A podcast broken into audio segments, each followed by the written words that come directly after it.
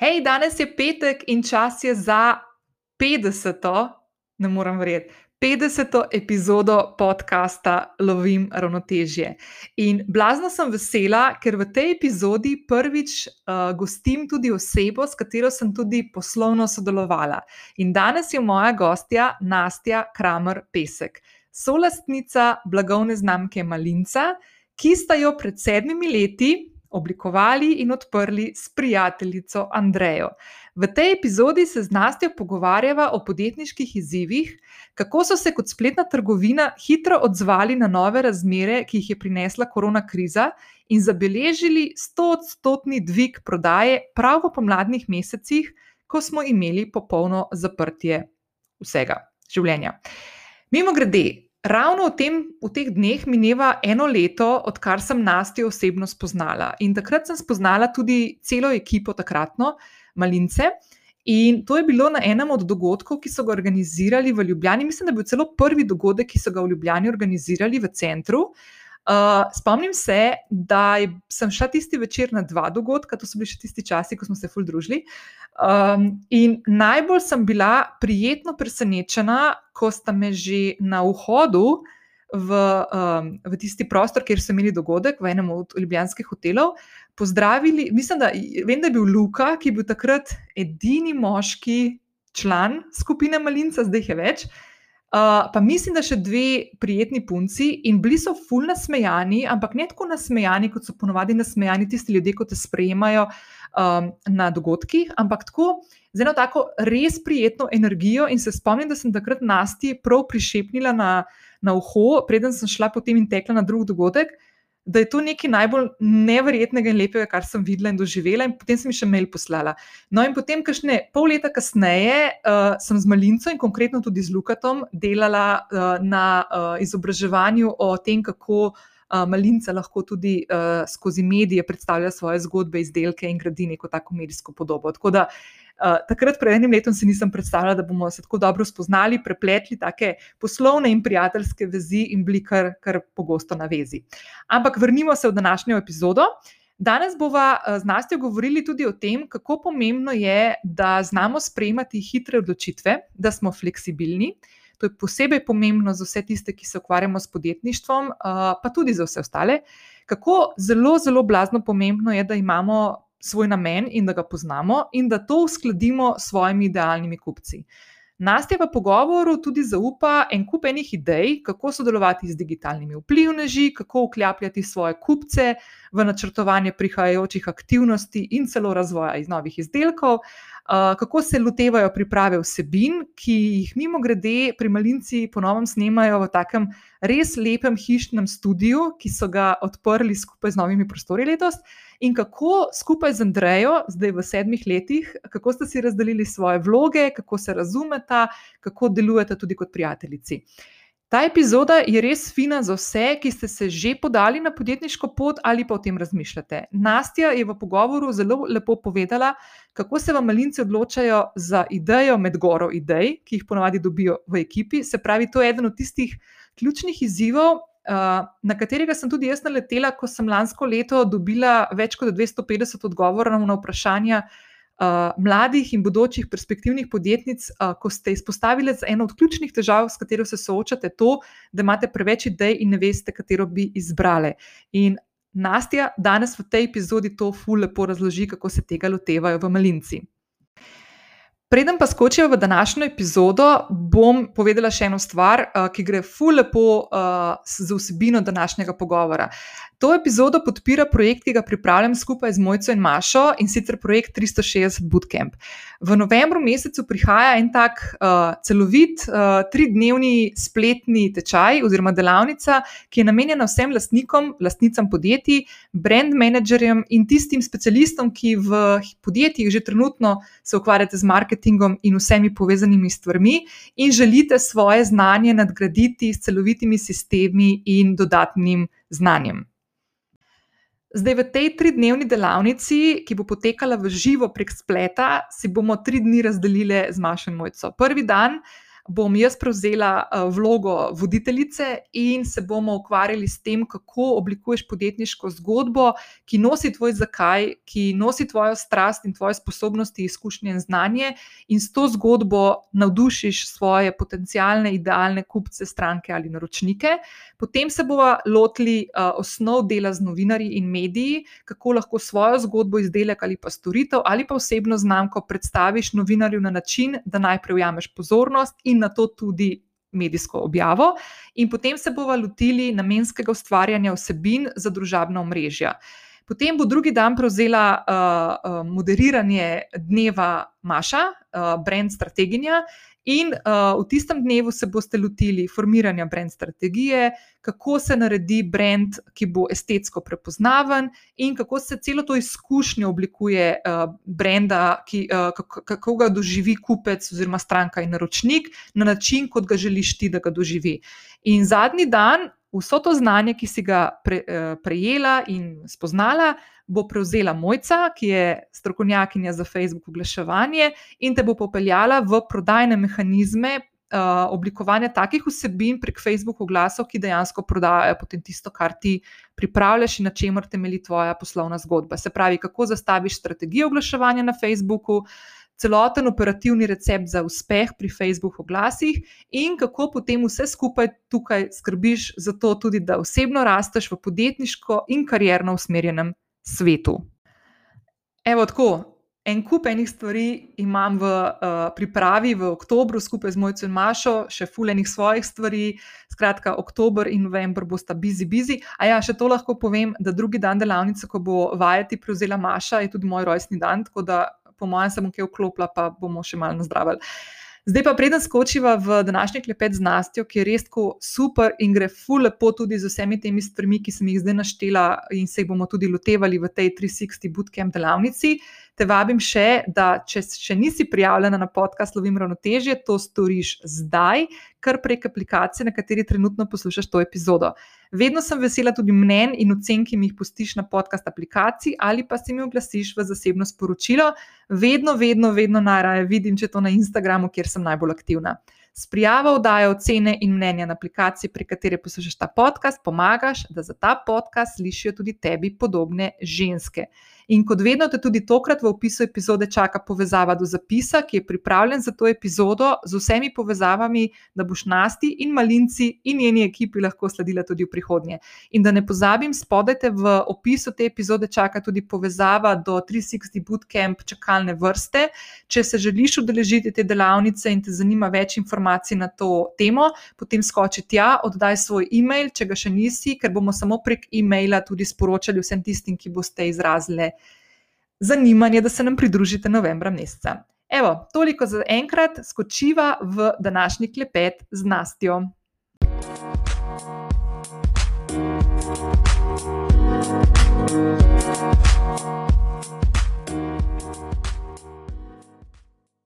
Evo, začneva. Čau, Nastja. Čau, čau. Čau, kako si? Uh, Vredo, odlično, fajn, se veselim najnega pogovora danes. Oh, okay, spet malo snimamo, malo preden uh, bo šlo tole v eter, šlo bo to proti koncu oktobra. Ampak, deva za začetek začeti. Uh, danes je petek, ja. uh, zjutraj, in mi najprej povej, kako si, pa kaj lepega se ti je kaj zgodilo v zadnjih dneh. Uh, ja, jaz sem uh, vesela, da je petek, se veselim vikenda, uh, teda dobre volje, delovna. Veliko stvari se dogaja pri nas, v Malinci. Tako da že ta teden, uh, ko si mi že napisala, da, da naj razmislim, kaj takega res fulejnih stvari. Uh, v bistvu, v začetku tedna sem bila v, uh, izkoristila poročno darilo, sva bila z možem v nebesih. Um, Da je bilo res tako uh, relax, in potem smo v sredo prišli nazaj.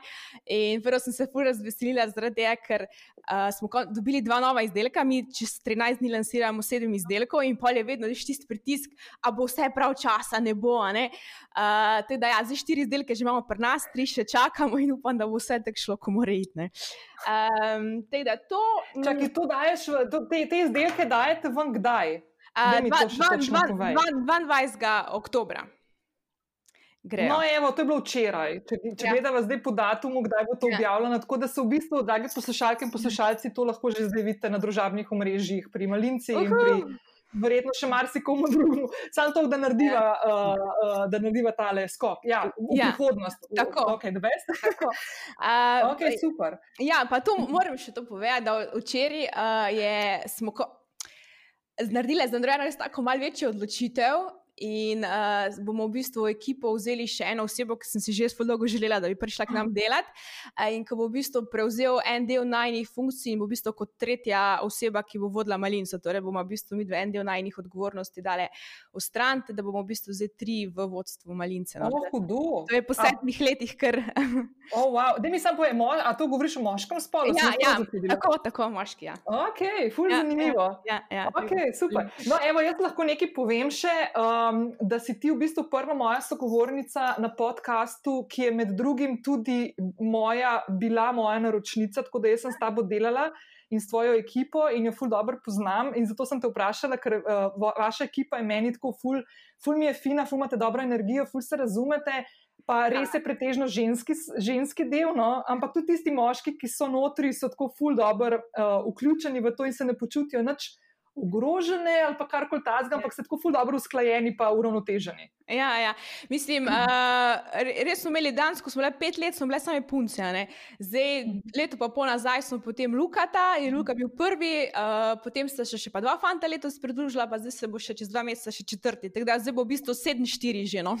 Ok, že kar, ja, ja super. Ja, ja. Nas je povemi neki, a, a ta odločitev, uh, zdaj malo skačem, ampak se mi ja. veze. A, ta odločitev, ki ste jo zdaj sprejeli z Andrejo, so ustanoviteljica uh mhm. -huh. Malince in tvoja dobra prijateljica, ne, uh, uh -huh. je zrasla tudi zaradi tega, ker uh, je Andreja uh, pred, tik pred tem, da gre na porodniško, ali to nima veze, biti tako tako šle v to odločitev? Uh, pa tako bom rekla, imelo je tudi malo vpliva na to, da gre Andreja v mhm. porodniško uh -huh. januarja, ampak bi v vsakem primeru enkrat mogli to narediti zaradi tega, ker smo v zadnjih dveh letih tako zrasli, dejansko že enih toliko odgovornosti in stvari, da mi da pač ne moramo same to shendlati in rabimo eno osebo, še posebej na področju vele prodaje, ki ima izkušnje, znanje in ki je sposobna pač uh, en del firme voditi. No.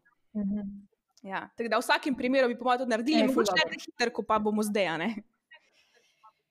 Aha, ful dobro.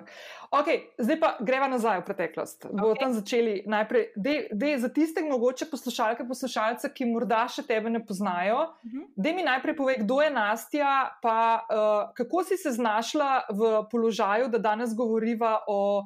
O tem, da uh, uh, že 11. človeka zaposluješ, um, pa da si zgradila skupaj s ekipo, z Andrejem in z ekipo, uh, eno tako uspešno podjetniško zgodbo uh, spletne trgovine Malinca, uh, je tako malit v tvojo mladosti.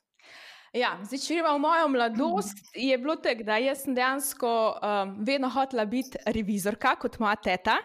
Uh, ona je bila pač moja ozornica in sem tu zaradi tega šla potem na ekonomsko gimnazijo, po osnovni šoli, pa sem šla na ekonomsko fakulteto uh, in tudi študirala sem šla računovodstvo in revizijo. Da dejansko sem pač skozi hotela biti to, kar se spomnim, dokler pač jaz nisem tega enkrat probala pri njej. In sem po enem dnevu ugotovila, da je s tem pa res nočem biti. Uh, in potem sem se v bistvu, pol, ko sem doštudirala do diplomski, sem šla po diplomski, oziroma magistrski študij, sem se pa preusmerila v podjetništvo, ker na faktu sem pa fulj začela zanimati marketing in podjetništvo. Te dve smeri sta mi bili top, pa ti predmeti. In potem sem se za naprej odločila, da bi šla bolj v marketing ali podjetništvo, pa sem nekaj skombinirala vse skupaj. In dejansko sem že takrat polniko začela o tem razmišljati, ja, da jaz bi pa imela eno podjetje, ampak.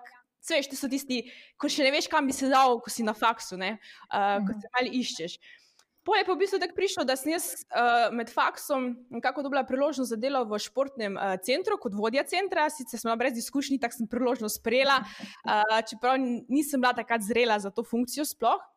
Uh, da sem šla delati v ta wellness center za eno leto, uh, potem sem šla delati v plastiko skaza, v marketing spletni, tam tudi danes tega nismo imeli, pa sem to neko te vzpostavila, ampak pač ni bilo to. to. Jaz se nikjer nisem našla, vse mi je bilo kul, cool, ampak Ni bilo pa to to. In pa sem rekla, Andrej, moja najboljša prijateljica, ki smo se na faksu spoznali na ekonomski fakulteti. Sem rekla, hej, pa kaj če bi pa mi dve, da nekaj probimo, prosim, veš, da ima nekaj narediti, ne? pač krtek za popoldne. Uh, in rekel, ok, kaj, kaj pa bi, pa sem rekel, da ima pač to, kar znamo. Jaz bi neki marketing, pa splet, to mi je bilo top, pa da ima stvari, ok, imamo kuharsko knjižico napisano, rade kuhama, jaz sem se fuz za, za šport uh, zagrela, medtem ko sem v športnem centru delala, wellness. Da smo v bistvu samo združili stvari, ki smo jih radi počeli, nismo imeli dobene inovativne, neke full ideje, ampak smo združili stvari, ki jih radi počnemo in sem danes kot v bistvu nastala iz tega uh, malinca. No. To je zdaj uh, sedem let nazaj. Ja, tako, to je bilo sedem let nazaj. Okay. In, uh, okay. In zdaj, ko ste videli, začeli z malinco, kje so bile prve stvari, ki ste jih lansirali? Na začetku smo imeli mi dve kot nek portal z zdravimi recepti in spletna trgovina za zdrav način življenja. In mi dve smo v bistvu na začetku imeli plan, da bomo prodali druge blagovne znamke, ki so nam pač z nekimi izdelki, ki so nam všeč in ki spadajo v ta sklop zdravega načina življenja. Mi dve smo začeli predvsem z nekaterimi prehranskimi izdelki, superfoodom, uh, sveže mlete moke. Čaj, hrana je bila tista fokusna, ki smo jo mhm. v bistvu začeli. Potem smo pa čez naslednje 3-4 leta širili ta sortiment tudi na druga področja, kot so kozmetika. Pa, jaz, jaz sem pač izgubila fokus in smo šli pa čisto neke, tudi imeli smo pa neke ročno izdelane zapestnice, pa če vle iz reciklirane gume. V glavnem šli smo pač, zašli smo. Uh, uh, zaradi uh -huh. mene. Uh, da, ja, in ko smo prišli do ene točke, ko smo bili tako ošit, kaj se zdaj dogaja, nikamor se ne premikamo, dve leti stagniramo na istem mestu, kaj bomo naredili. Takrat smo pa pol, mi dve, začeli malo stvari obračati, se neki mentorji dobiti, uh, spremeniti totalno strategijo, ekipa, vse. In takrat smo se pa bolj v bistvu usmerili v lastno blagovno znamko in razvoj svojih izdelkov in res sam hrano, pa kozmetiko. No. In koliko časa nazaj je ta odločitev padla?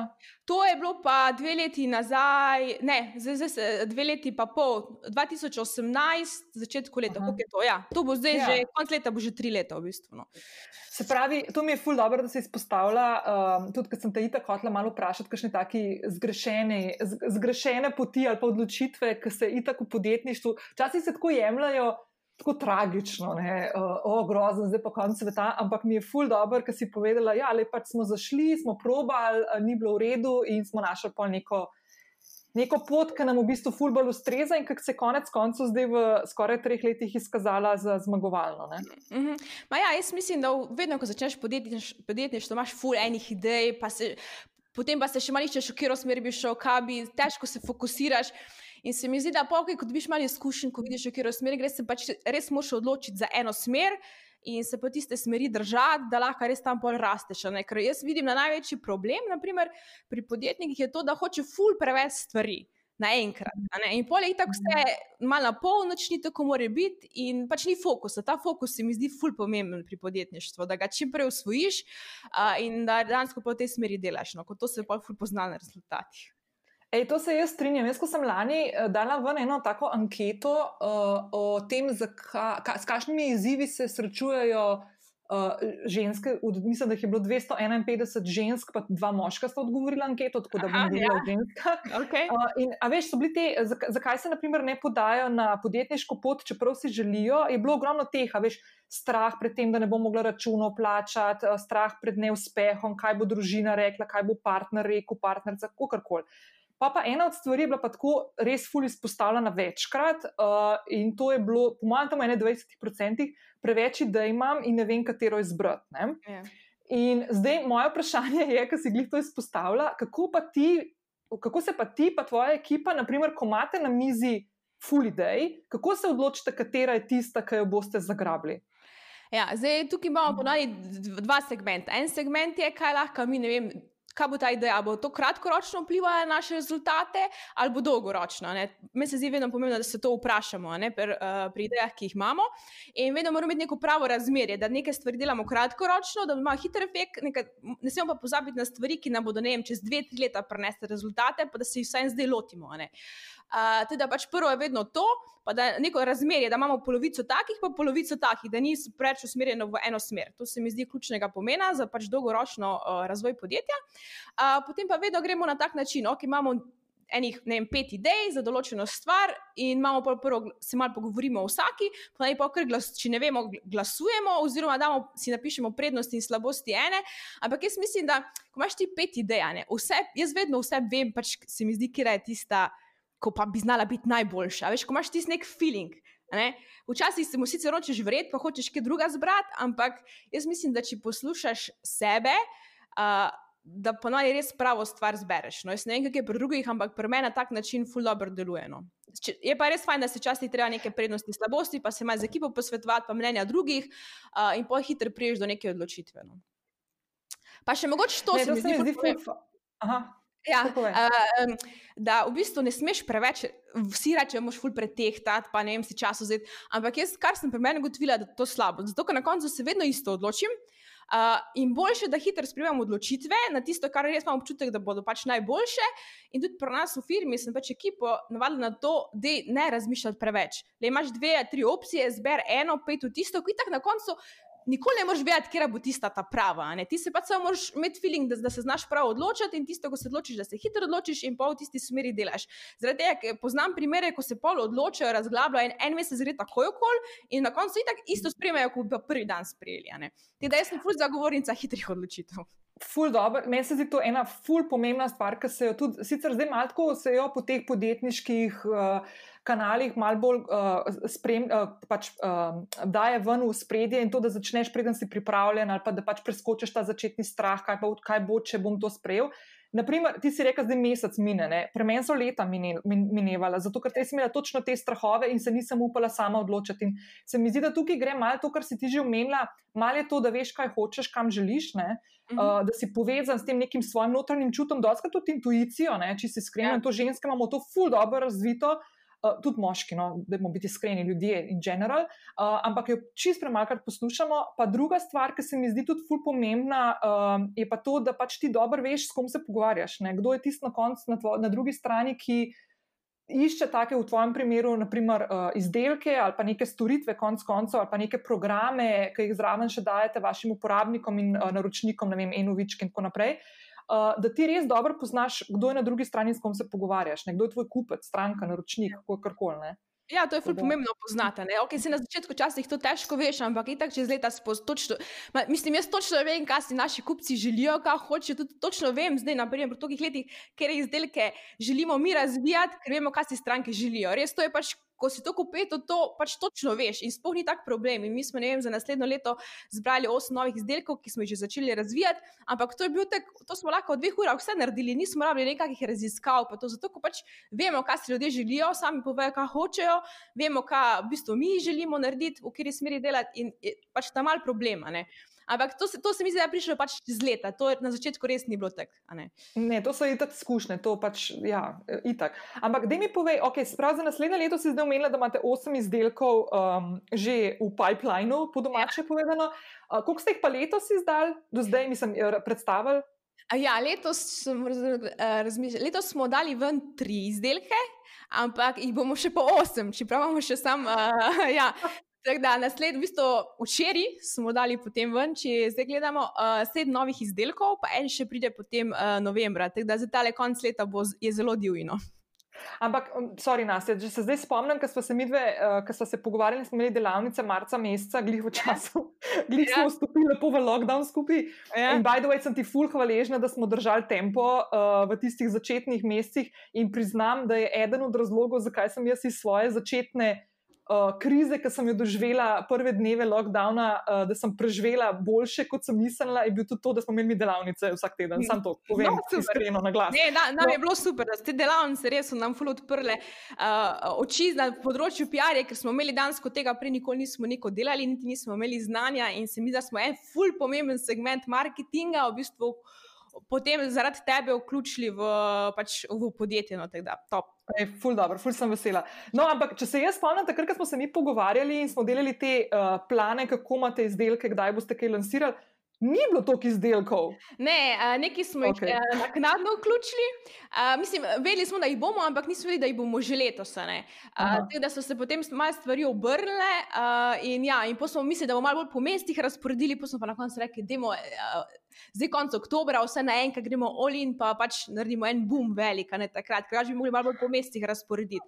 Tako da, ja, na koncu se je pač pol tako obrnilo. Se veš, imaš nek plan, veš, v katero smer hočeš iti, ampak se veš, se pa stvari ful hitro obračajo, spreminjajo, ta korona je bila in se pač moraš malo prilagoditi, ampak se mi zdi, če, če podjetje še samo tako malo, kot smo mi, se lahko hitro prilagajamo in iz danes na jutro spremenimo stvari in to je meni full top, zaradi tega, ker lahko pa res delamo o, v skladu s časom in stvarmi in resursi, ki jih imamo. No.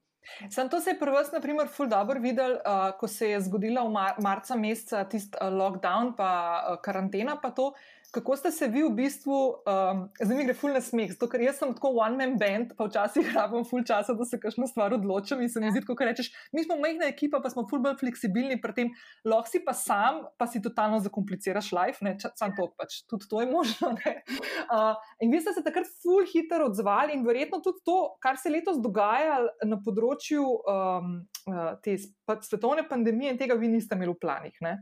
Ja, ne, absolutno ne. Mislim, ne. Se je doben imel, ne. ampak ja, bilo, bilo se je treba hitro obrniti. Mislim, jaz priznam, da prve tri dni, ko so to začele, sem tako panična. Jaz sem rekel, ok, kako bomo zdaj naš cilj letošnji spustili, kako bomo prilagodili stvari. Ja, veš, tisto, ko pač si izgubljena, ne, ko ne veš točno, mm -hmm. kako smer bi šel. Ampak moram pa reči, da smo pol se, ok, sem se skoncentrirala, sem naredila plan uh, in smo potem začeli kar tako hitro, po kak teden, potem, ko se je začela karantena, uh, čist drugo, druge stvari oglaševati, druge stvari komunicirati. Ful smo šli pač na radio oglaševanje, zaradi tega, ker smo pač promovirali to, da lahko imamo hitro dostavo, ker marsikaj trgovine niso imeli hitre dostave, mi smo imeli v bistvu enem dnevu, pa osnovna živila smo začeli izpostavljati, ker jih prej nismo tok, da smo pol malo moke, kosmiče, olja, sladila. To postavili v spredje in efekt je bil ful dober in mi smo mi smo imeli pač april, je bil naš daleč, daleč najbolj rekordni mesec, do pač v sedmih letih. No. Uh -huh.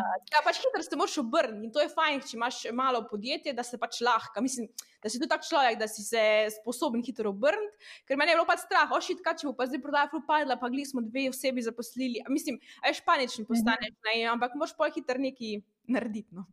Ne, ampak tle je tudi ta, tudi ta plus, ne, da vse stvari, ki ste jih vi takrat komunicirali, ki ste jih zdaj izpostavili, ne vem, ta osnovna živila, pa kosmiče, pa moke, pa te stvari.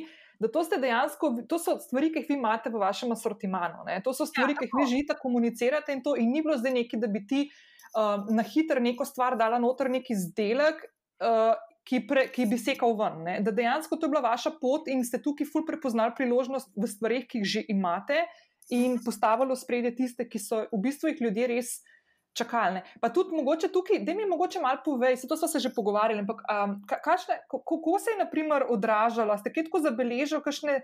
Um, nove trende pri vaših, naroč, vaših kupcih. Naprimer, oziroma, zdaj, meni se zdi, da se je v letošnjem letu Slove, v Sloveniji eh, nakupovanje prek spleta tako eksponentno zrastlo. Ne?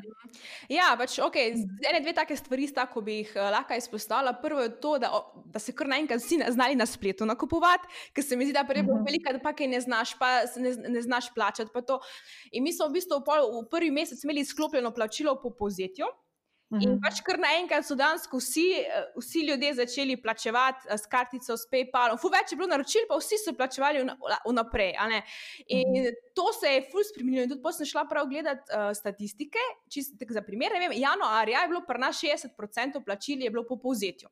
Plačani. Uh, v času korone, če gledamo celotno tisto obdobje dveh mesecev, je bilo samo 15%, ko smo pa nazaj vključili, uh -huh. zdaj smo pa spet na 45%. Ampak V vsakem primeru se je pa ne, v zadnje pol leta ta procent iz 60 padel na 45. In jaz mislim, da tukaj smo se pač ljudje malo naučili uh, plačevati preko spleta, uh, spletno nakupovati. Te stvari so se. Mislim, da smo se ljudje kar izobrazili na tem področju, teh, zaradi pač, uh, te situacije, ki, ki je bila. Teda jaz mislim, da je to zelo mhm. dobro za nas, spletne trgovce. Uh, druga stvar, ki bi pa mogoče izpostavila, pa se mi zdela tako um, noro zanimiva, uh, je pa to, da smo v bistvu mi na začetku, tako sem rekla, prve dva, tri tedne ful prodali ta osnovna živila, ki prej nekako nismo toliko izpostavili, imeli smo jih že skozi ponudbi, že sedem let, ampak nismo jih pa tako na spredje dali. Pustimo jih pa in dejansko se je prodaja teh živil ful povečala. Potem pa enega, približno 15. aprila, se je pa zgodil, da bi se iz danes zjutraj nek tak switch in kar naenkrat se je začela full kozmetika prodajati. Tak, jaz sem bila tako, ok, pač, zdaj se ne prodaja več moke, zdaj se kar kozmetika, kaj se dogaja, veš. In mi sploh ni bilo noč jasno. Potem smo šli pa pač malo raziskovati in smo ugotovili, da obstaja en lipstick indeks, uh, ki v času krize. Povzroči to, da ljudje ne, ne zapravijo več tako za luksuzne stvari, ampak dajo punce ful na pač, uh, kozmetiko, pač dajo stvari na sebe, ki pa niso tako ful drage. Uh, uh, in da se ful poveča prodaja kozmetičnih izdelkov, ličil in tega. In jaz nisem bila verjela, da pač to res in da to obstaja, in da ste nam, nam to pokazali, tako iz danes na jutri, in pol je res druga polovica aprila, sam kozmetika šla, to je bilo noro. Oh, noro, ej. Ej, veš kaj, uh, kaj mi je fulj zanimivo, pa, ker lahko ti tudi jaz dam nazaj, sicer jaz v primerjavi z vami, spoh se ne primerjam, ne? ampak ker sem ravno dala spletno trgovino tudi jaz ven letos, pa lahko povem, kaj me je najbolj presenetilo, ker imam tudi možnost, sicer res imam digitalne eh, izdelke, pa nimam pošiljane po pošti ali pa po prevzemu, ampak meni je v bistvu fulj neverjetno, ker sem dala tudi možnost uh, kartičnega PayPal plačevanja ali pa plačevanja po uh, predračunu. Ja. In sem bila prepričana, da bom rabila ta uh, nakazila na TRR, ne, ker ljudje pač ne marajo uporabljati PayPal ali pa kartic. In sem fulj presenečena, da je v bistvu, po mojem, ne, 70% je kartice pa PayPal, s tem, da kartice so v spredju pred PayPalom. Ja, ja, ja, pri nas tudi. Ja. Ful zanimivo. Mislim, to, kar se izpostavlja, to, to zaupanje v kartično poslovanje pri nas, prek spletnega nakupovanja, se mi zdi, da se je res dvigalo. No. Ful, ful. Um, Ja, ful zanimiv. Ej, a kjer pa je najbolj, tako mislim, a je kakšen tak izdelek, ki je ful izstopal zdaj v, zad, v zadnjih parih mesecih, tako da je en tak, ki je bil res najbolj prodajen, ali imaš tako skupino? Ma ne, mislim, pri nas so najbolj prodajni izdelki, ki so na, na beauty. Se mi zdi, da še vse znamo punce več na lepoto kot zdravje. Uh, pri nas so najbolj prodajni en kolagen, uh, uh -huh. pa mhm. potem šipko olje, krema za obraz, pač ti beauty izdelki. Uh mhm. -huh. Je pa res, da je v zadnjih, ne vem, parih mesecih, odkar smo pač vključili v prodajo vitamin D3. Uh, ful prodaja tega vitamina poskočila, predvsem zaradi tega, ker je bilo to v medijih o tem, da je pač uh, krepi imunski sistem, pa da mhm. pomaga celo pri koroni. Ne vem, pač ful je, mi za vsak, da, vsak teden je nek članek ali na televiziji ali v revijah na mhm. temo vitamina D in popraševanje potem se je ful povečalo. No. Uhum. Tukaj se ful vidi to, kako v bistvu pomembno je, da, da pač. Um, Ja, da, da, mislim, tle, tle sta dve stvari, ki sta v bistvu fulj zanimivi. Pa smo se mi tudi pogovarjali, ko smo imeli delavnice o tem, kako v bistvu komunicirati neke take stvari, ki jih imaš v ponudbi, ali pa jih daješ ven. Pa da v času, ki se odvija, ki je bil naprimer par mesecev nazaj, pa zdaj nažalost se nam spet podobna zgodba dogaja, um, da ne izpadeš, da, da profitiraš na nekih, na nekih zadevah. Ampak dejansko so to stvari, ki so pač dokazane in ki. Eh, krepijo in ti pomagajo pri krepitvi tvojega imunskega sistema, kar je dobro v vsakem primeru, tudi če ne bi se to dogajalo, kar se letos dogaja. Mm. In kako zdaj v bistvu to narediti? Če nekdo, naprimer, če nek medij to objavi, pa v bistvu. Uh, ti to vidiš, prepoznaš in, in imaš ta izdelek, lahko te stvari fulpo zapelješ. Veliko boljš, kot če te stvari delaš sam in se potem spopadaš s kakšnimi uh, očitki, ki se lahko zgodijo, pa so se dogajali v okolju, tudi pri nas. Naprimer. Ja, ja ful so se dogajali. Jaz pač vem, imamo čisto vsak september ali pa oktober, imamo mesec imunski, krepitve imunskega sistema. Zato se pač začne malo mrzlo vreme, jesen, mhm. prehladi. Ampak kašni, vedno je bilo to normalno, šest let je bilo to normalno, letos, ko, pa, mhm. ko je pa sedmo leto, ko je pa korona, je pa zdaj tega jazi, pa hočete od tega. Pač, ne, mi že delamo sedem let isto. Ne? Pač mhm. tudi tukaj so, pa se to je čist mali procent ljudi, ko se take stvari upikuje, ampak so, se mi zdi, da smo ljudi kar malce nestrpni postali, ja. pa ker bojimo se drug drugega. Tak, Samo to je to, veš, se mi zdi, da je tudi to. Um, tudi, uh, Malo vpliva tudi to, da smo v bistvu, ful smo slabo besedno zvezo zbrali za letošnjo situacijo, to socialno distanco. Meni se zdi to tako ful, ful napačna beseda, res bi moglo biti ta fizična distanca in socialna bližina, ker jo pač rabimo, tudi če smo zaprti v stanovanju in tako naprej. Uh, to, da to še dodatno, se mogoče niti ne zavedam, ampak dodatno povzroča to neko nervozo. Jaz vem, naprimer, zdaj, ko gremo v trgovino, meni se je zdaj v parih zadnjih parih dneh zgodil parkrat. Da sem sicer ful prijazno nekomu, ki sem čakala v vrsti v trgovini, mogla reči, ki je stal za mano v vrsti, če lahko prosim, ne, ti, ti diha za uvratnik. Pa to ni stvar zdaj. Jaz sem to danes, danes to rečem na glas in prosim, če se lahko mogoče malo za kakšen korak nazaj stopi. Jaz tega pol leta nazaj, eno leto nazaj ne bi nikoli rekla, bi mi šlo pa vse na živce. Ne? Yeah. Ja, ja. Ampak smo tako ful, smo rad ali bolj občutljivi in se mi zdi, še s tem, kar nas pumpajo vsak dan v vsakem sporočilu, socialna distanca, socialna distanca, da smo še toliko bolj nervozni rad ali v vseh teh stvarih. In to, da danes, kad si ti umenila, naprimer, da vsako leto delate te kampanje osveščanja v bistvu v določenem obdobju, naprimer konkretno za imunski sistem, danes moraš mogoče še malo vključiti tudi tale uh, krizni uh, plan, če se ja. slučajno ja. ti kakšna stvar zgodi, naprimer na social medijih, ali pa, pa potem se prelijo v kakšne medije, boh ne dej. Ne? Mm. Da dejansko ni vedno vse. Kako? Paziti je treba v bistvu fulno. Ja, ful moš nekako hermetično že skoraj zapirati komunikacijo, ja, kar je ja. včasih malo. Ja. Dej, veš kaj, Nastja, eno stvar, ki smo se že dotaknili, uh, Andreje, tvoje uh, najboljše prijateljice, ki ste se spoznali na faksu in skupaj naredili malinco. Da mi povej, uh, kako videve z Andrejo uh, funkcionirata in kako ste si vloge razdelili in kaj se zgodi, če se skregata. Aha, ja, v bistvu mi dve smo si uh, na začetku zelo jasno razdelili vloge in to je, mislim, tudi razlog, da se mi v teh sedmih letih nismo nikoli skregali. Uh, in se mi zdi, ful dobro, če greš z neko osebo v podjetništvo, eni fulprejo, pa ne idi s prijateljico, pa ne idi s sorodniki. Meni se zdi, da je to top, zato lahko osebi zaupaš, pa če se dobro razumeš, mislim, pa osebo delaš, s katero ti je tako že full fine in se mi zdi, da je dobra odločitev, ampak treba pa se res jasno postaviti pač, uh, in razdeliti naloge. Zaradi tega, ker pač mi dejansko nič ne delamo skupaj, ona ima čist svoj spekter, ona ima ne finance, nabavo, te pravne stvari. Uh, razvoj izdelkov, jaz sem pa marketing, prodajo, vodenje, pa kot nek obraz podjetja sem in imamo čisto ločeno in vsaka se za svoje stvari odloča, kdaj pa kdaj se posvetujemo pri kakšni stvari, ampak načeloma je pa tudi to. In se dejansko pač nimaš pozek. Zaradi dobene stvari se nimaš za skregati, pač nimaš razloga, da bi se skregal. In to se mi zdi pač tak način, ki smo si ga zadali, uh, top. No. Mhm, ful dobro. Ja, ker to je lahko, to je lahko ful zanimivo. Mislim, do, v bistvu se dopolnjujete. To sem se zdaj spomnila na, na pogovor, ki sem ga imela s Karmen Panežo od Lapopsi, ki sta tudi. Uh, Uh, ja, to zdaj lahko še to omenimo, kako si tudi ti ful dobro skočila noter pri njih z bombončki med karanteno, da si jih dala na svojo spletno stran, ker niste imeli trgovine. Ne? Ja, tako, tako. Tisto, no, to mi je tudi ful dobro. To, to, ja, to podpiranje medosebno različnih podjetniških zgodb v Sloveniji se mi zdi tako genialno, res. Uh, ne, ona bi se tudi tako ful dobro rekla, kako se dopolnjujete, ne, da pač Karmen je ful dobro uh, pri začetku razvoja podjetja, ampak ne zna zaključovati stvari, ne, neže pa glih tukaj, ne, da pač ona poskoči pa, da dejansko se tiste ideje, ki jih ima, dejansko realizirajo na koncu. Ja, ja sem imel misli tudi, ker jaz imam pač te, ki sem full ideje, pa to, pa to, pa to, pa to bi naredili. Andrej pa tak filter pol na koncu, a veš, kaj reče da je mogoče to pusta, ne, pa to, to pa ful podpiram. Ker če pa reče Andreja, da je ok, pa da podpira, pa vem, aha, to pa moramo zihar narediti. Ne. Da še vsaj imam pa ena, veš, tisto vmes, uh, prednji gremo, gremo v akcijo, da še imam pa Andreja vmes, ko pa reče ja ali pa ne, za kakšne stvari, ko nisem zihar.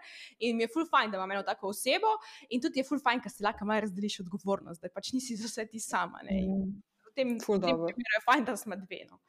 Ful dobro.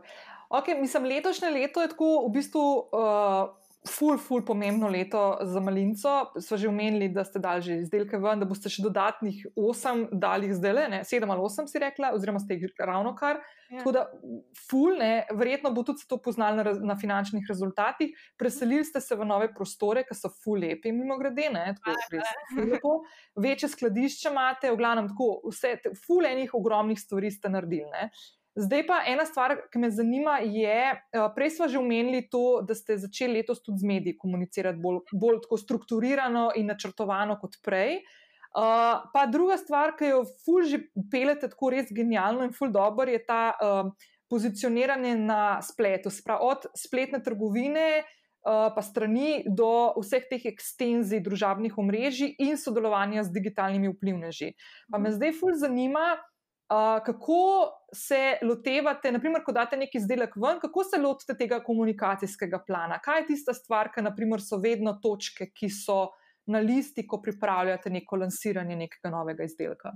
Lahko mogoče na tem primeru povem, da je bil zdaj, ko je zdaj se dogaja, pač teh sedmih izdelkov. Pač, okay, prvi plan je bil, da bi nek dogodek organizirali. Ampak, uh -huh. seveda, ga potem pač zaradi situacije nismo in smo se pač lotili malo drugačnega lansiranja izdelkov. Ampak, raz je vedno tako. Okay, prva faza je, da pač iz, izbir, izbereš izdelke, se da postaviš neko časovnico, da bodo izdelki, jih testiraš. Ter, okay, to, to je pač. Ne, z, v zvezi z, z izdelki. Po pa, ko enkrat pač izdelek imaš, mi smo tudi, da smo pa fulhitri, vemo, da izdelki bodo do takrat, da imamo pa takoj lansiranje narediti. Uh, in potem imamo vedno, ok, naša Dominika pripravi vedno opise izdelkov, potem imamo eno punco, ko nam ful hude fotke naredi za te izdelke, da imamo pač v bistvu, da na spletu postavimo izdelek in ga pozicioniramo tako, mora biti. In imamo vedno neko kampanjo. Ne? Zdaj, te kampanje smo se lotili na način, da smo jo razdelili na štiri dele. En del je bilo sodelovanje z influencerji. Uh, to smo si v bistvu zamislili na tak način, da dejansko pošljemo uh, vsem našim ambasadorjem, ki jih imamo, ki jih je 50, s katerimi redno sodelujemo, plus še en, enemu sklopu drugih novih uh, izdelke, in da vsak v bistvu iz enega izdelka od teh sedmih, ki mu je najljubši, pripravi nek recept uh, in v bistvu objavi to sliko z receptom in izdelkom potem na socialne mreže. Da dejansko skozi v bistvu te influencerje predstavimo uh, nove izdelke. Mogli smo jih malo porazdeliti, ker jih je sedem, da pač imajo vsi iste. Uh, to je v bistvu neka kampanja z influencerji, ki smo jo zdaj zapeljali, pa, pa še neki storiji. Uh, napisali smo točen plan, kaj hočemo, s katerimi hočemo sodelovati, jih kontaktirali, uh, se zmeli za sodelovanje in poslali izdelke. Pač neko časovnico smo si glede tega sklopa pripravili, naredili in speljali. Uh, ful je fajn na tak način, ko smo pač to zapeljali, da dobimo v bistvu mi tudi slike z izdelki, potem uh, ful novih receptov, pač dejansko ful nekih vsebin, ki jih lahko potem uporabljamo naprej pri komunikaciji za te izdelke. Uh -huh. uh, potem drugi sklop, ko smo si ga uh, zadali, je bil sodelovanje z uh, mediji. To smo tudi danes, zdaj bomo pr smo prvič delali. Uh, da, mislili smo narediti sicer novinarsko konferenco, ampak je pač ok, pa nismo. In smo dejansko potem uh, za medije v bistvu pripravili spet nek tak uh, plan, kako bomo poslali izdelke, kako bomo to skomunicirali, kako bomo poslali potem sporočilo za medije. V glavnem smo si ta sklop v bistvu PR-ja posebej oblikovali in uh, ga speljali. Uh, potem tretja stvar so v bistvu, da smo vključili samo komunikacijo naše kupce oziroma stranke in smo jim pripravili nek tak izziv, da če oni v bistvu tudi, um, ko kupijo izdelke, pa če jih potem naredijo nek oizi recept, pa nam ga pošljajo, da v bistvu dobijo povrjeno kupnino za tisti izdelek v obliki nekega darilnega bona. Da smo še pač njih vključili v samo komunikacijo in tudi, da se pač nekaj dela ustvarja, da se nekaj objavlja. Da pač, da v bistvu nek tak flow dogajanja ustvarjamo na čim večjih različnih kanalih. Pol četrti pa smo se v bistvu dali znotraj ekipe, da posnamemo en tak kul cool hud video s celotno ekipo, kjer se v bistvu predstavijo različni izdelki na, na različen način. To pa v bistvu jutri bo lansirano, torej 24. Uh, v soboto. In se mi zdi, je tako en lušen uh, projekt, ki smo si ga zadali, tako v obliki vloga, bo, ampak je čisto odpičeno. Uh, tako da, ja, da v bistvu smo različna področja pokrili. Uh, ko bomo to speljali, to je neka kampanja, ki bomo v bistvu peljali zgolj štiri dni. Uh, potem, potem bomo pa vključili vem, uh, oglaševanje v revijah, pa na družabnih omrežjih. Mislim, zdaj, smo, zdaj gremo mhm. čisto uh, brez oglaševanja, neki, ampak vse mhm. čisto vsebinsko, potem pa, ko to v bistvu damo čez, to je začetek lansiranja, pa gremo pa še v bistvu oglaševanje prek spletnih kanalov in pre, tudi prek fizičnih. Ne. Ful dobro. Ej, da mi nekaj, mislim, tle je ful dobra stvar, ki si jo izpostavlja, da tako, ko poslušam, je dejansko tako ogromna ena gora enih vsebin, ki jih dejansko dobiš, ne, ki jih imaš, ko imaš neko zakladnico vsebin za določene izdelke, ki, iz katere potem lahko vlečeš neke objave in jih objavljaš. To je ful dobro za vse tiste, ki uh, imate svoje blagovne znamke ali pa osebne znamke ali pa pač izdelke, storitve. Da vsebin, ne, te, ne smete se bati tega, vsebin nikoli ni dovolj. Vedno, vedno bi jih lahko bilo več za tisto, popul, za tisto ciljno skupino, oziroma neke idealne kupce, stranke, naročnike, ki jih imate. Uh, in uh, da, jih, da jih servisirate, zato ker predvsem prek družabnih omrežij vsak ne vidi tvoje objave. Ne? Ti, ko neko objavo narediš, jo pripraviš, jo vidiš in si tako noter upleten v to, da imaš občutek, da ko nekaj stisneš objavi, da to zdaj pa vsi vidijo, ki te spremljajo. Da dejansko te to ni res. Ne?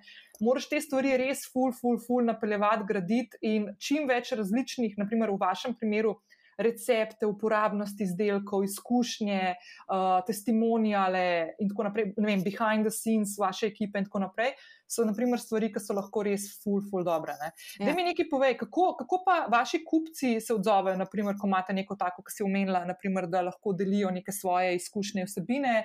Uh, a se tako radi odzivajo na take stvari? Ja, ja ful radi in zato tudi jih vključujemo čim več. Mm -hmm. pač, se vemo, se mi da mi blagovno znamko že od začetka gradimo z našimi kupci. Tudi mi, ko smo, ne, ko smo na začetku začeli, smo jih vprašali, kje je logotip, kje je barve. Mislim, ful smo jih vključevali že na začetku in dejansko skozi tudi zdaj jih ful vključujemo in pri izbiri novih izdelkov in pri nekih pomembnih odločitvah. Uh, in ko lansiramo nove izdelke, in se mi zdi ful fajn, baš, da danes njim se zdi fajn, ki jih vključuješ. Mi smo uh -huh. tudi prvič naredili to v sedmih letih, da smo v bistvu naše najboljše stranke, ki pač pač največ zapravijo pri nas, povabili na dogodek v Malinco, da smo jim v bistvu pokazali prostore, jih malo počasli, jim dali testirati v bistvu nove izdelke, da so imeli prvi to čas, da so jih probali. Uh, te, ko, jih, ko smo jih zelansirali, so oni probali v bistvu že en mesec nazaj. Um, pa da smo dobili neke feedbacke. Se mi zdi, da pač s tem res gradiš, pa ko spoznaš te stranke, ko so res ti full zveste, to so tako cool ljudje, ker me, mm -hmm. je bilo malo strah, kako bo pač ja, vse to skupaj potekalo, ker smo imeli več skupin, po vsakih je bilo deset.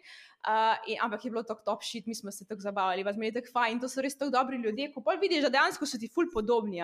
In da, mhm. ko si ti taki ljudi, pa privlačiš in uh, take v bistvu kupce tudi dobiš. In se mi zdi, um, uh, ful, fi, ful fajn, da smo se na, tega, na tak način lotili, ko bolj kot kupce poznaš, bolj lahko delaš, pa se razvijaš no, kot podjetje. Um, ja.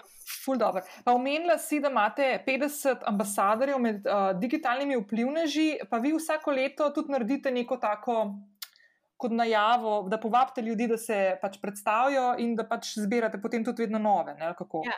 ja, v bistvu mi delamo z influencerji, če jim tako rečemo, že v bistvu po moje ene štiri leta. V bistvu, ko še spoh tega tok ni bilo, v bistvu spoh ni bilo tega na Instagramu, smo mi takrat začeli čisto spontano, či, vem, da uh, sta bile Eva Boto, pa Gaja Prestro, sta bile prve, ampak obe sta bile zaradi tega, ker sta neke recepte poslale in posle neka, o, leko uporabljate naše izdelke, da jih uh, kont kontaktirate, oziroma od Gaja mamca je mene mene sama kontaktirala, da je ful kuha, pa če bi kaj sodelovali, ker je bila še tako mlada. Um, da, ja, ful, pač se mi zdi, da so neko dolgoročne. Neke dolgoročni odnosi, neke dolgoročne stvari peljemo že kar nekaj časa. Je pa res, da v zadnjih dveh letih bi pa rekel, da na tem področju ful, ful delamo. Takrat smo zelo nenačrtovano in spontano, zdaj pa mhm. delamo pač zelo strukturirano in načrtovano. In tudi vsako leto imamo v bistvu potem konc leta pogledamo vse, s, s katerimi sodelujemo, pa se potem odločimo, s katerimi bomo nadaljevali. Uh, in po vsako leto imamo tudi en razpis, kjer iščemo nove in se lahko v bistvu punce same prijavijo. In da vsako leto je tako, dobimo po 300, mislim, da smo celo, mislim, da 500 prijav dobili. Uh, wow. In je to pač res isto noro, ko moraš pa iti čez, čez vse, pa zbrati, ne vem, tri, to je ful težko. Um, ja. In imate, imate v marketinškem budžetu, imate predviden tudi budžet za sodelovanje z influencerji? Ja, ja, absolutno. Mislim, mhm. prej nismo imeli, zdaj zadnje dve leti, pa še posebej letos smo si pa točno začrtali, da je budžet, to lahko zapravimo, eh, ker se mi zdi, da v bistvu vedno večji procent eh, marketinškega budžeta predstavlja ta sodelovanje z influencerji, še posebej, ko enkrat vključiš te, ki so pač malo večje, malo dražje, je to kar nek strošek za podjetje. Da, ja, jaz mhm. mislim, da moraš to tudi uh, fufaj načrtovati. Pa jaz se fura, dogovarjam za dolgoročno. Meni pač te, mhm. en, enkrat ne mi fulj ne sedi, da se mi zdi, da moraš vzpostaviti nek odnos, pa da mora pač ona spoznati tvoje izdelke, pa da jih res uporablja. Uh, in da, da jih jemliš to kot neka pomoč pri grajenju blagovne znamke in prepoznavnosti, in ne kot neke prodajalce. Jaz mislim, da to je največja mhm. zmota, ko jo imajo pač podjetja, ki mislijo, da bodo on, ne, eni uh, influencerji dali izdelek, ki plačajo 200 evrov in mislijo, da bo prodala za 2 jurja. Pač ni, ni to to. Uh, sedaj se lahko zgodi tudi, ampak pač moraš imeti dolgoročno in tudi to moramo vedeti, da pač ljudje ti, ko enkrat en izdelek vidiš, ga ne boš šel takoj kupiti, oziroma zelo malo tistih, ki jih takoj še nakupil. Ko pa ti vidiš en izdelek pri eni influencerki, ki, ki ti je všeč, pa rad spremljaš, ne vem, drugič, tretjič, četrtič, je fu večja verjetnost, da ga boš pa, ko ga boš enkrat pa videl, mogoče mm -hmm. na spletu ali pa v drugeriji, DM, da je boš pa kupil. Mm -hmm. uh, ta dolgoročnost se meni zdi ful pomembna, ko podjetja mogoče malo pozabljajo. E, jaz sem ful vesela, da si to izpostavila in to dolgoročnost in uh, Uh, zato, ker ta dolgoročnost prenese eno ful dobro stvar, ki se jo veliko blagovnih znamk še vedno premalo zaveda, in to je, da v bistvu um, komunikacija, ki je, na, ki je na dolgoročnosti narejena, pomeni, da tista oseba, s katero imaš sodelovanje, to veliko bolj elegantno upelje v svoj vsakdan in so objave in vsebine, ki jih pripravlja, bom rekla, za to besedo avtentične, ker nekaterim pač uh, se kocine dvignejo, ampak pač res ful pomembna stvar, zato ker pride do te lahkotne. Eh, naravne komunikacije, ki jo v bistvu vsi marketingaši ful želijo, pa je vedno tako, doskrat preveč v navednicah prisiljena. Druga stvar, ki je pa ful dobra, ki se jo izpostavlja, je pa to, da uh, vplivneži niso na svetu zato, da bodo tvoje izdelke ali pa storitve prodajali, ampak da dejansko delajo exposure, brand awareness tvojega izdelka, storitve. Uh, prodajo moš imeti pa ti v rokah. Tako, ja, tako, ja, tako ja. si rekla, se mi zdi fulj pomembno pri sodelovanju, da jih, ne, te ljudi so pač influencerji za tega, ko očitno nekaj zelo dobro delajo. Ne? Uh, mhm. In imajo uh, toliko sledilcev, ko pač imajo dobro komunikacijo, ki znajo pač uh, povedati stvari. In meni se zdi fulj pomembno, da predvsem te ne omejuješ, ker meni je najslabše, ko dobiš, dobijo navodila točno, kam morajo napisati, kje morajo mhm. Da tem ljudem, ki so dobri v tem, kar počnejo, pač pustiš, da so res čim bolj avtentični in da stvari sprejemajo tako, kot oni najbolj znajo. In zaradi tega, ker jih, uh mhm. -huh. zdi, jih ti ne omejuješ, oni furaj s tabo delajo, uh, pa fu več ti tudi naredijo za nek določen budžet, kot bi pa drugače bi jim ti pisal. En story, ta, drug story, a ne, mislim, a veš. Uh, ja.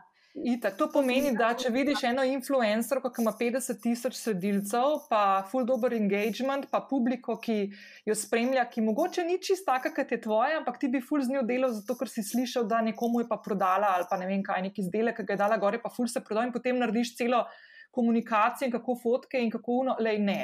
Če ti ni všeč, kako dela stvari, kako komunicira, kako se javlja prek storijev, live-ov, whatever.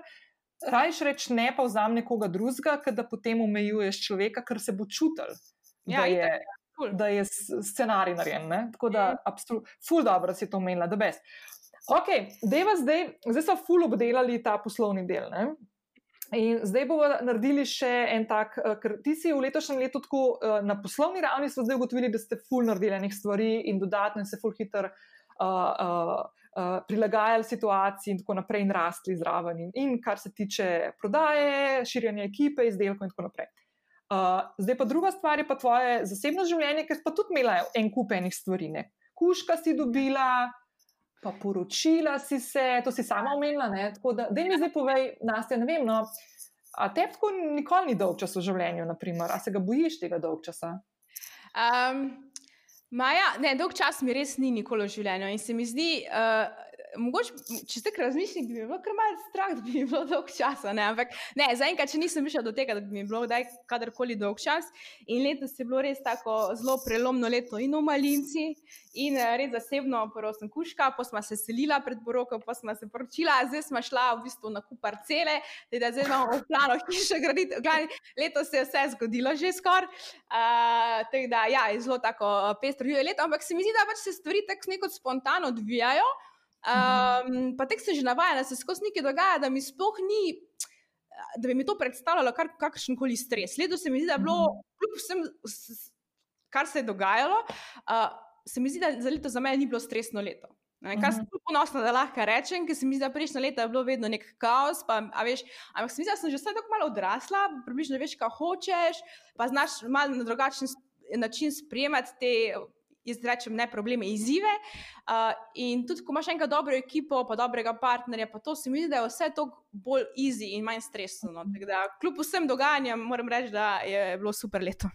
Ej, se to se tudi čuti, veš, kako tebe gledam, ko meni, meni je vedno tako ful fascinantno. Pa ne, da bi jaz bila ful neki pod stresom, pa vem, kaj sem že imela v življenju, pa kako bi, naprimer, lahko na določene situacije, ki so se dogajale, kako bi lahko skrenila z te potine. Ampak kaj mi je ful noro pri tebi, da tako vse tako deluje ful lahkotno, kar je super. Ne? In ponovadi jaz vedno rečem, da je ful pomembno v življenju tudi, uh, da ti je dolg čas, zato ker takrat se razvijajo najboljše ideje, sam sebe spoznavaš, ampak si sploh ne predstavljam, kaj bi se zgodilo, če bi bilo tebi preveč časa dolg čas, ker že tako imaš full idej, tako da je mogoče dobro to. Uh, drugače pa veš, kva, uh, da mi nekaj povej. Uh, Ti si že omenila tudi prej, ne, mentorje, pa, pa to, pa ti veliko vlagaš tudi v to, da se v bistvu konstantno izobražuješ, uh, rasteš na tej svoji poti, uh, podjetniški, konc koncev tudi tvoji osebni, ne, ker sta v bistvu si človek, pa imaš to prepleteno. Um, A je kakšna taka stvar, ki si v bistvu um, jo v zadnjem času vložila v sebe ali pa v svoje neko znanje, ki ti v bistvu pri tem pomaga? Ma, jaz, ja, jaz se fu veliko izobražujem, zato to, to mi je pač full fine, tisto res, ko pač delam full z veseljem in to so ok. Ena stvar so knjige, druga stvar so izobraževanja. Letos sem bila tako za Andrejo v Ameriki na enih izobraževanjih, na začetku leta, glih pred korono, sem prišla nazaj. Uh uh, potem pa, ja, zdaj sem se pa spet lotila. Um, po tvojem priporočilu uh, za ta leader in flow, v bistvu izobraževanja, ki so se tudi začela 14 dni nazaj. Uh, in pač meni je full fajn, da dejansko skozi neki noga, da se skozi. Da se skozi nadgrajuješ, ker mislim, da je fulj pomembno, da če si podjetnik, pa če širiš podjetje, pa ekipo, da dejansko prvo ti osebno rasteš. Veš, da pač vlagaš, da ti osebno rasteš, ker pa in tako da, daješ naprej sodelavcem uh, in vse se pozna potem na rezultatih. Tako da pa tudi, če, jaz sem tudi taka, da mi je to full fine. In ja, skozi iščem nekaj, kaj bi še lahko, pa kje je izobraževanje. Pa tudi z ekipo, naprimer, se zdaj spet izobražujemo. Uh, letos smo imeli full in o zdravi prehrani, in o kozmetiki, zdaj, se, zdaj imamo neko marketinško, uh, tudi enega američana, po katerem zadelamo en kurs, uh, celotno v bistvu marketinška ekipa. In pač se mi zdi to ful dobr, uh, mm. ker so vedno neke nove ideje, vedno malo zrasteš, vedno se kaj novega naučiš in to se pa tudi pozna naprej na rezultatih. No. Čakaj, a z Romanom ste že začeli? Ja, ja, z Romanom smo že začeli v bistvu začetku oktobra, uh, teda zdaj smo imeli že drugo delavnico. Uh, ja, ful je fajn, no pač meni je to top, a veš. Je dobro, ne? Ja, ja, ja. Ful pa, fajn. pač neke svoje naloge, pa da nekaj narediš. Ker meni je naj, najslabše, pa tudi jaz veliko, ne vem, ko predavam, a ne pa v preteklosti sem še mogoče več, predvsem na temo marketinga, pa a, podjetništva. Mene je najbolj izilo to, ko, ko so ljudje poslušali, ne vem, 3-4 ure in potem doben nič ni naredil. Mene to Mhm. najbolj izilo, veš. Ker jaz sem pa Mhm. taka. Da pač poslušam, si napišem par idej, vedno in pogremo takoj v akcijo, da se takoj nekaj naredi. a Veš, meni se zdi, Mhm. če izobražuješ, pa če daš znar, pa vložiš čas, da je pol neki nared. Veš, ne tisto posluši, pa rečeš, oh, ful bi bilo fajn, da bi jaz tudi pa ne narediš. To se mi pa zdi pol res brez veze. Ne? Ja, tlele imaš tako, tlele imaš kar vaje za narediti, ne pa, pa pol še, ki si pobraten z, z eno, enim članom ekipe in se, in se v bistvu ful spodbujata in po eni strani malo težita uh, en drugmu, ne, da se držita roko in tako. Ja, ja. Ful dobro. Večja dobro. Ja. Pa ful je fajn. By the way, glih lahko povem, da sem se včeraj jaz z mojim badijem pogovarjala po Facebooku, uh, da bo šla na pivo, pa sva zdaj ugotovila, da verjetno ga bo malo mogla prestaviti spet na Ja. naslednje sproščanje. Ampak ja, tako da pol te vezi ustanejo, tudi pol po parih mesecih, ko že zaključiš. Tako da ful dobro. Ok, daj mi sam povej še par vprašanj imam zdaj. Uh, omenila si knjige, daj mi Ja. omenj kakšno knjigo ali pa film. Podcast, konc koncev, serijo, kaj tasga, kjer ti črpaš navdihe, ali pa, te, ali pa tako se spomniš, pa vedno priporočaš komu, da je fajn pogledati, poslušati, prebrati. pa tako. A, Zdaj od knjig. Pač, sicer sem prebrala že par let nazaj, ampak je knjiga Scale, Jeff Hoffman jo je napisal. Uh, tudi je sodeloval pri Bookingu, pri teh pač, po velikih firmah v vzpostavitvi. In ta knjiga mi je, pač, ta- po mojem, se ne tri leta nazaj prebrala, glih takrat, smo strategijo podjetja spremenjali in mi je ful pomagala. In tudi zdaj, pač prva knjiga, ki jo vedno priporočam, je ta knjiga. Um, Pogač, pač, jaz sem ful enih knjig, a veš, in pol sem rekla, da bom eno povedala, ker če ne bom zašla, tako da naj bo to ta tista, ki je res. če kakšno tako, mogoče tako, a imaš kakšno tako, ki je tako bolj fikcija, ki ni poslovna.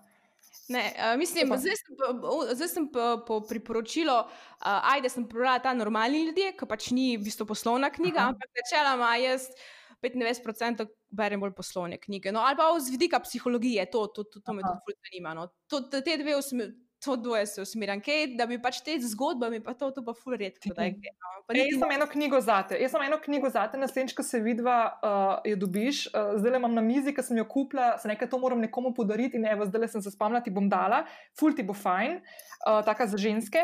Pa, to. Ne, ne bom ti povedala. Pa, okej.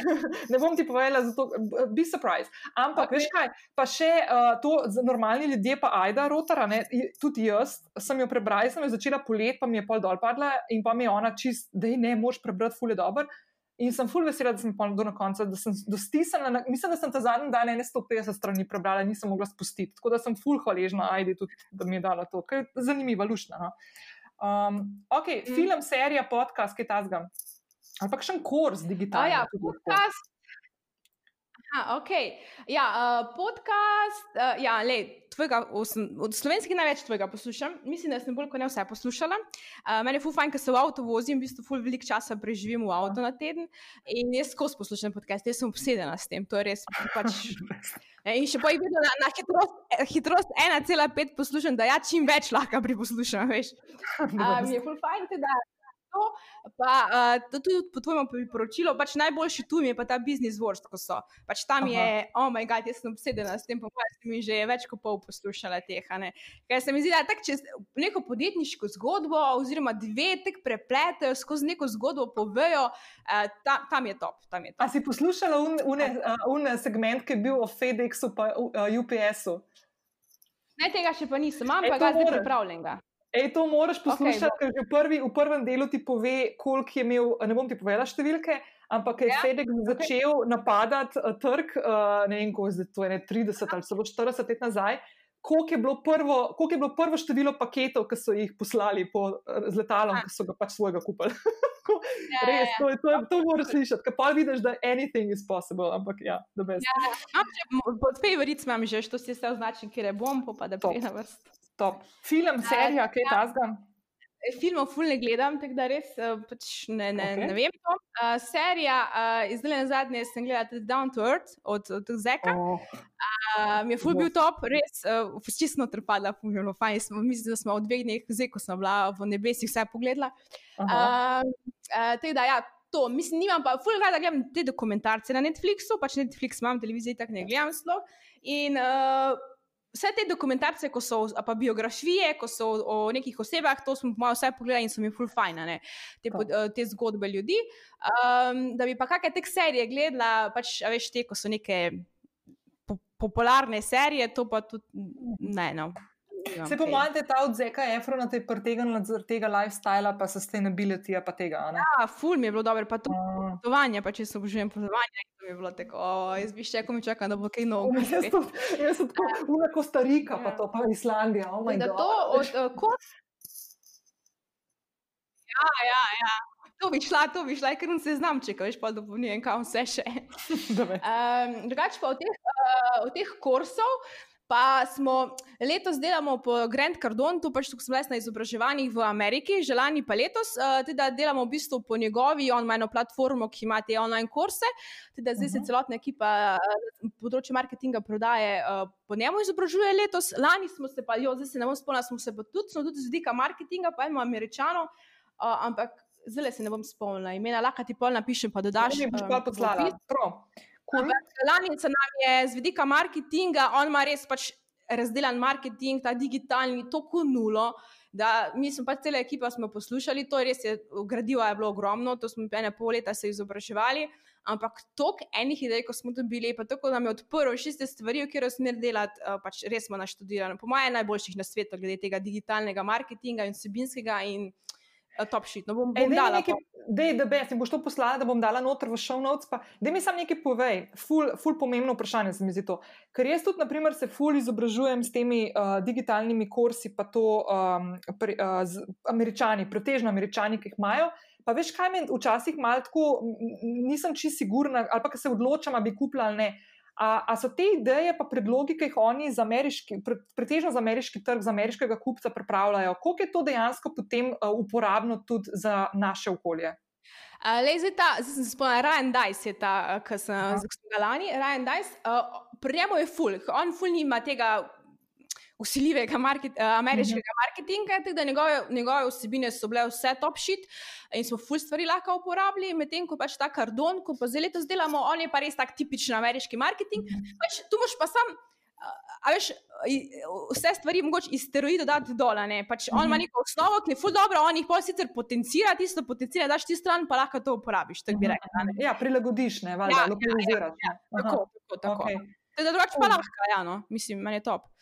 Cool. Veš, kero knjigo jaz zdaj le berem, pa bi ti znala biti dobra. Uh, pogovarjanje uh, ali pogovori z neznanci od uh, Malcolma Gladwella, ki v bistvu um, gre zgodovinsko čez, čez razno razne stvari, ki so se dogajale. Zdaj sem glih predelu, ki je Fidel Castro pa njegovi dvojni agenti, američani, ki jih je podkupil v času uh, te uh, hladne vojne še. Aha. In je v bistvu ful psihološka, tudi zakaj je dobro poznati neznance, zato da se znaš pogovarjati z vsakim človekom. Ah, cool. In v bistvu ful to razdeluje. Tako da ful zanimivo.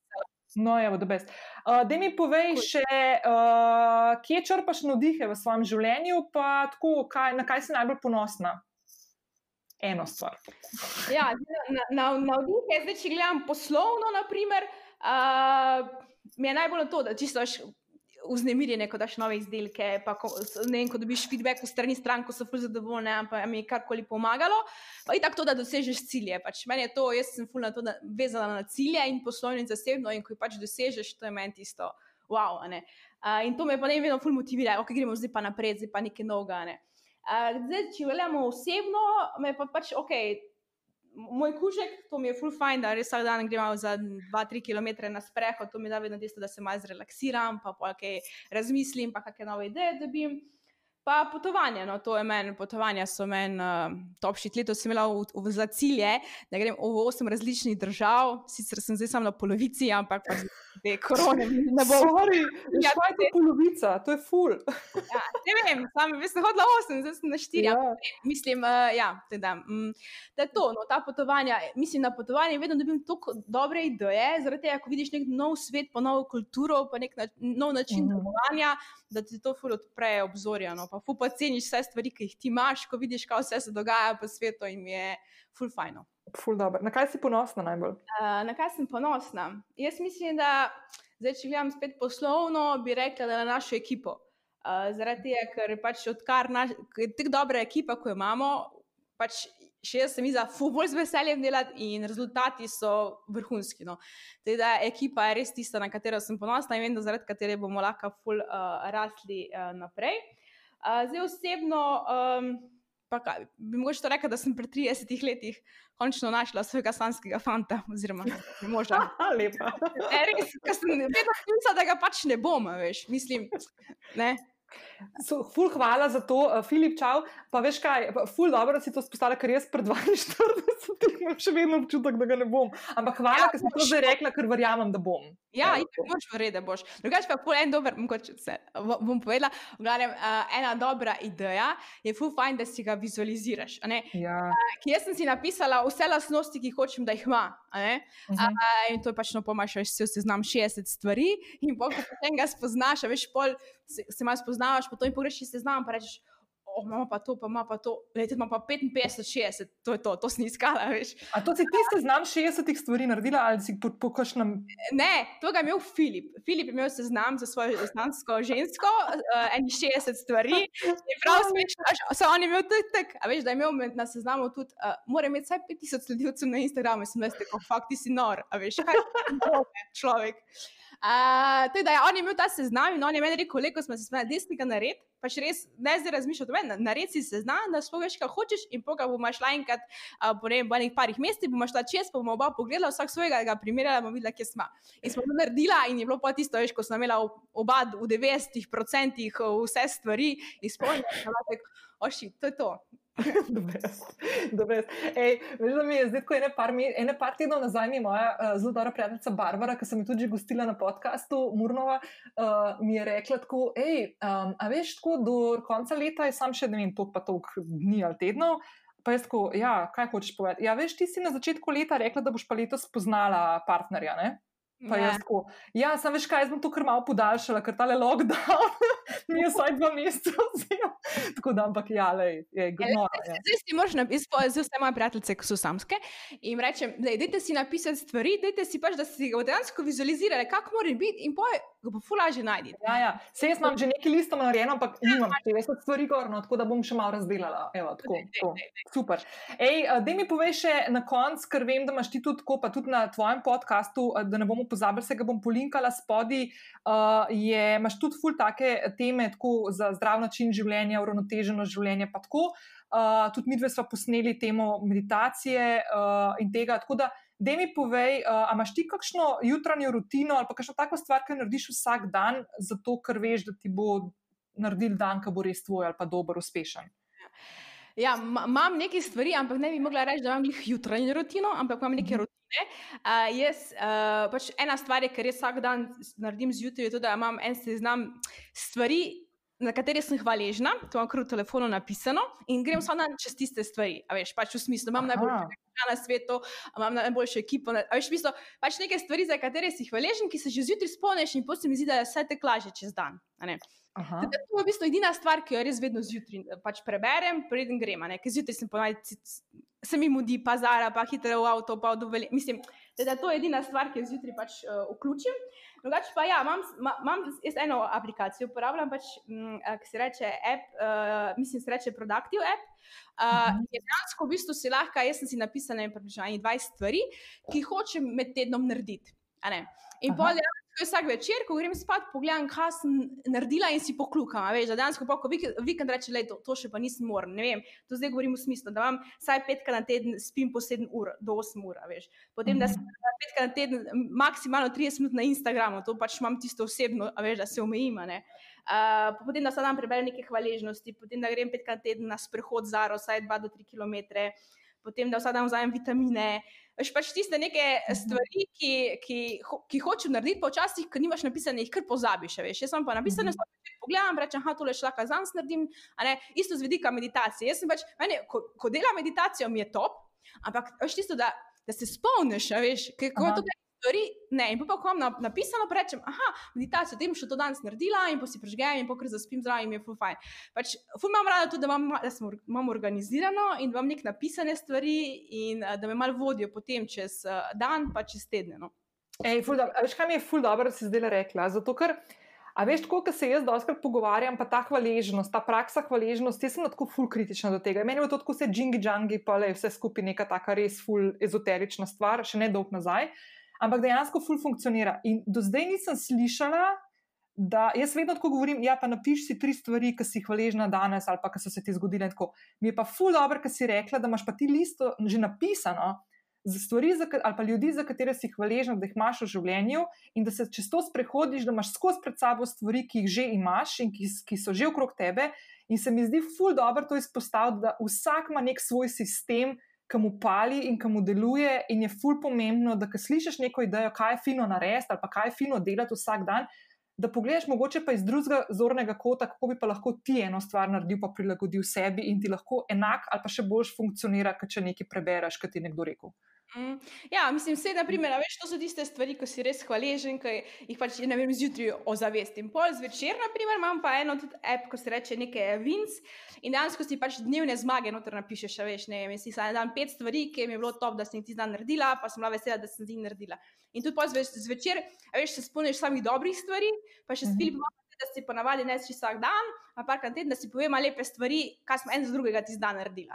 In to so ene take stvari, ki ti vzamejo v dnevu pet minut, ali pa še to ne, ampak mm -hmm. ti pa prenese. Veš, ko spoh ne veš, mogoče zavedno, ampak podzavestno je pa to obšitno. Ej, ful dobr. Ful dobr. Nastja, jaz sem ti ful hvaležen, da si si uh, vzela čas za tale klepet uh, in se ful veselim. Vid, uh, videli se nisva ta teden, kot je bilo načrtovano, ker dogodka ni bilo, ampak res upam, da se bo akmal, pa knjigo ti moram dati. Tako mhm. da, uh, ful, ful hvala. Jaz ti želim en krasen petek, lep dan, pa veliko novih zmag, uh, pa doseženih ciljev do konca tega leta in naprej. Uh, hvala za tvoje želje, povabilo, bilo je super in jaz tebi tudi želim vse lepo. Hvala, čau. Ja, čau. Evo, super. Jaz sem blazno vesela, da sem Nastjo ujela, uh, čeprav tako nadaljavo prek računalnika, ko smo tako lepo klepetali. Uh, knjigo Darilo za njo imam pripravljeno in ga dobi takoj, ko se prvič vidiva. In uh, nič, uh, vse, kar ti zaželim, še je, da lahko skočiš na opis epizode kjer boš našla vse stvari, o katerih smo danes z Nastjo govorili. Spodaj lahko pogledaš tisti link in se prijaviš v čakalno vrsto, da boš ujela vse informacije o tridnevni spletni delavnici v živo, ki jo organiziram z Mojco in Mašo. In uh, nič, lep petek, še lepši vikend in se slišimo naslednji teden. Čau, čau!